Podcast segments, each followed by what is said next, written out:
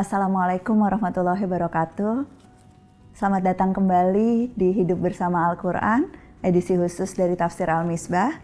Episode kali ini adalah episode terakhir dari rangkaian kebersamaan kita di Hidup Bersama Al-Quran selama bulan Ramadan. Ini episode ke-30 teman-teman.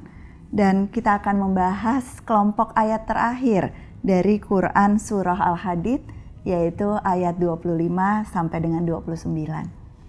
Al-Hadid sendiri artinya besi ya Bi? Ya. Dan uh, di ayat ke-25 ini kemudian kata itu muncul.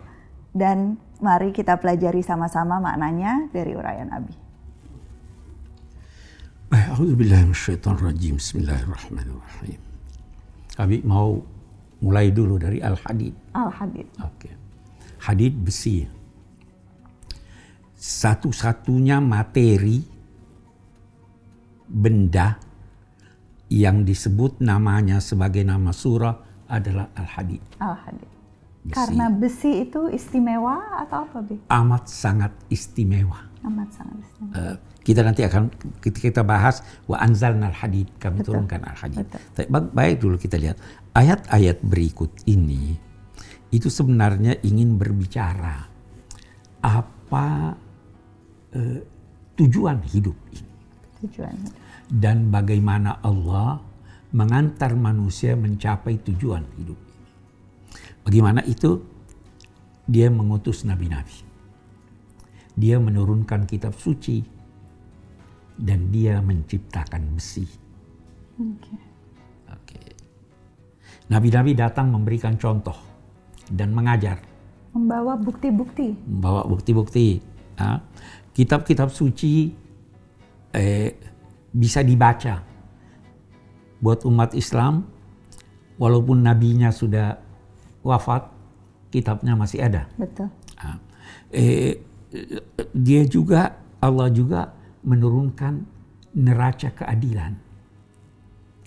Neraca keadilan itu uh, uh, sebenarnya ada dalam jiwa setiap orang. Alladzi khalaqaka fa'adalat dia yang menciptakan kamu dan menjadikan kamu cenderung kepada keadilan. Semua mau adil, apalagi kalau sudah berkaitan dengan dirinya. Tapi juga bukan hanya buat diri, tapi untuk keharmonisan hubungan. Hubungan, bagus. Kita lihat sekarang. Nah, Laqad arsalna rusulana bil bayinat. Sungguh kami telah mengutus rasul-rasul kami dengan aneka bukti-bukti dan penjelasan-penjelasan. Wa anzalna ma'amul kitab. Kami turunkan bersama rasul-rasul itu Alkitab. Dia katakan satu kitab. Padahal kitab Rasulnya banyak. Banyak. Mengapa dia katakan satu kitab? Karena yang pertama, yang menurunkannya satu. Betul. Uh, yang kedua, prinsip-prinsip ajaran pada kitab-kitab itu sama. Okay. Semua Jadi jadi akidah yang dikukuhkan, akhlak yang dianjurkan itu ya, semuanya, semuanya sama. sama. Karena itu jangan berkata ada orang berkata, "Oh, ini Quran menjiplak dari Injil, menjiplak dari ini." Orang sumbernya sumbernya satu. sama. Jadi bisa saja jangan berkata orang yang melukis Borobudur sekarang itu menjiplak dari orang yang pernah melukis dua ya. tahun tiga tahun yang lalu sumbernya sama. Wal mizan kami juga menurunkan al-mizan, neraca keadilan, liyakuman nasu bil Agar manusia itu tampil untuk melaksanakan al-qist. Qist itu diartikan dengan adil, tapi sebenarnya lebih dari adil. Allah menghendaki manusia ini hidup eh, berinteraksi secara harmonis. Bisa jadi kalau adil, ada yang tidak senang dengan putusan yang adil. Maka Allah menghendaki bilqis.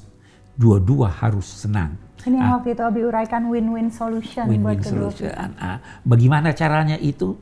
Menyadarkan yang bersalah bahwa putusan yang dijatuhkan kepadanya walaupun itu tidak menyenangkannya tapi pada akhirnya sebenarnya itu baik untuknya sehingga dia menerimanya. Jadi yakinkanlah bahwa putusan Anda itu memang bermanfaat Buat untuk kita. uh, wa anzalna al-hadid hadid uh, fihi ba'sun syadid. Menarik di sini dibahas oleh ulama. Kami turunkan besi. Diturunkan dari mana ya Allah? Nah, dahulu ulama-ulama mengartikan turunkan eh, ini eh, dengan arti menciptakan. Okay. Tapi di dalam akhir-akhir ini ditemukan bahwa materi besi itu tidak terdapat pada materi-materi yang lain yang ada di bumi ini. Asalnya bukan dari bumi. Eh, mereka menemukan bahwa eh, materi besi ini ber, berasal dari planet bintang yang hancur sehingga bertebaran hancurannya turun ke bumi. Jadi bukan dari bumi, dia turun dari langit. Jadi ini salah satu ayat yang juga menunjukkan uh, kebenaran Al-Qur'an ya, gitu secara ilmiah. Gitu ya, gitu, ya. Kami turunkan besi, di sana ada kekuatan yang dahsyat dan ada manfaat buat manusia. Besi ini diturunkan untuk digunakan kalau perlu menegakkan keadilan. Kan tujuannya mau menegakkan untuk keadilan. menegakkan keadilan. Berarti apa bi jadi senjata? Jadi senjata. Jadi, jadi senjata. senjata. Ya.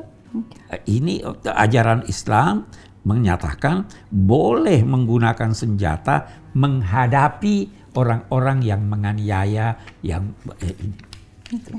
Nah, jadi eh, jadi tujuan kehadiran Rasul ini ya tujuan agama inilah menegakkan keadilan kalau perlu dengan kekerasan.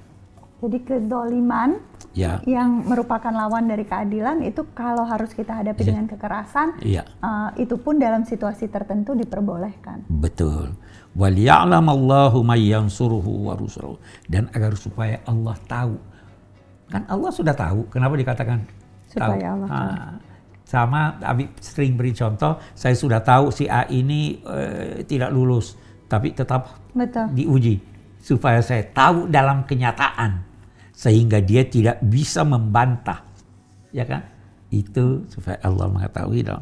Siapa yang membelanya dan membela rasul-rasulnya bil ghaib padahal Allah dan rasulnya gaib tidak dilihatnya atau dia membelanya membela Allah dan rasulnya walaupun orang tidak lihat dia membelanya. Nah, Inna Allah qawiyun aziz, sungguhnya Allah maha kuat lagi maha aziz, maha mulia. Oh, ya. Itu sudah pernah terangkan. Wa arsalna Nuhan wa Ibrahim wa ja'alna fi dzurriyyatihim an-nubuwwata wal kitab. Sesungguhnya kami telah mengusut, mengutus Nabi Nuh, Nabi, Nabi Ibrahim, Ibrahim, kami jadikan pada keturunan keduanya orang-orang yang menjadi nabi dan kami berikan mereka itu kitab suci. Nah, di antara keturunannya itu ada yang memperoleh dan melaksanakan petunjuk, tapi ada juga yang memperoleh petunjuk tapi tidak melaksanakannya, fasik. maka itu adalah orang-orang yang fasik. Setelah kedua rasul dan anak cucunya ini Nabi Nuh dan Nabi Ibrahim, kami ikutkan di dalam jejaknya rasul-rasul kami dan kami ikutkan rasul-rasul kami yang lain itu dengan Isa bin Maryam yang merupakan rasul terakhir sebelum Nabi, Nabi Muhammad. Muhammad. Jadi dia sebut Nuh rasul Nuh itu rasul pertama, bukan nabi pertama. Nabi pertama itu Nabi Nabi Adam. Adam. Rasul Nabi pertama, nah, Nuh Nabi pertama, Ibrahim di pertengahan, kemudian dia sebut yang terakhir sebelum akhir. Nabi Isa Maka, Jadi mencakup semuanya ini untuk menggambarkan tujuan risalah itu apa. Um, Watainahul Injil wa ja'alna fi qulubil ladzina tabauhu ra'fatan wa rahmah. Dan kami jadikan di hati orang-orang yang mengikuti Nabi Isa itu rasa rahmat, kasih sayang dan rahbaniyah. Rahbaniyah itu rasa takut kepada Allah yang menjadikan seseorang menyendiri, menjadikan seseorang menjauh dari dunia karena ingin mendekat kepada Allah. Oke, nah Ella ingin tahu lebih lanjut soal rahbaniyah ini, Bi. Apakah ini sesuatu yang dianjurkan, takut sehingga menjauhkan diri dari dunia, atau apakah itu sesuatu yang seharusnya tidak kita praktekkan? Jangan ke mana-mana teman-teman, Tunggu jawabannya di lanjutan dari episode ini. Tetap di Hidup Bersama Al-Quran, edisi khusus dari Tafsir Al-Misbah.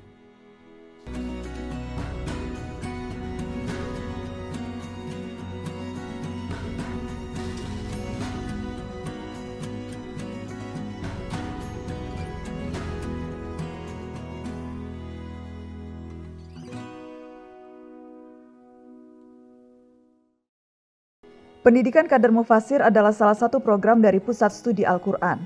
Program intensif khusus bagi peserta yang sudah mendalami ilmu tafsir di perguruan tinggi dan berhasil lolos seleksi dari seluruh Indonesia. Selama enam bulan sampai satu tahun, para kader ini mendapat pengayaan serta mentoring ilmu-ilmu Al-Quran lainnya dari Dewan Pakar PSQ. Program ini bertujuan melahirkan mufasir yang mumpuni serta mampu menghasilkan karya untuk kemaslahatan umat.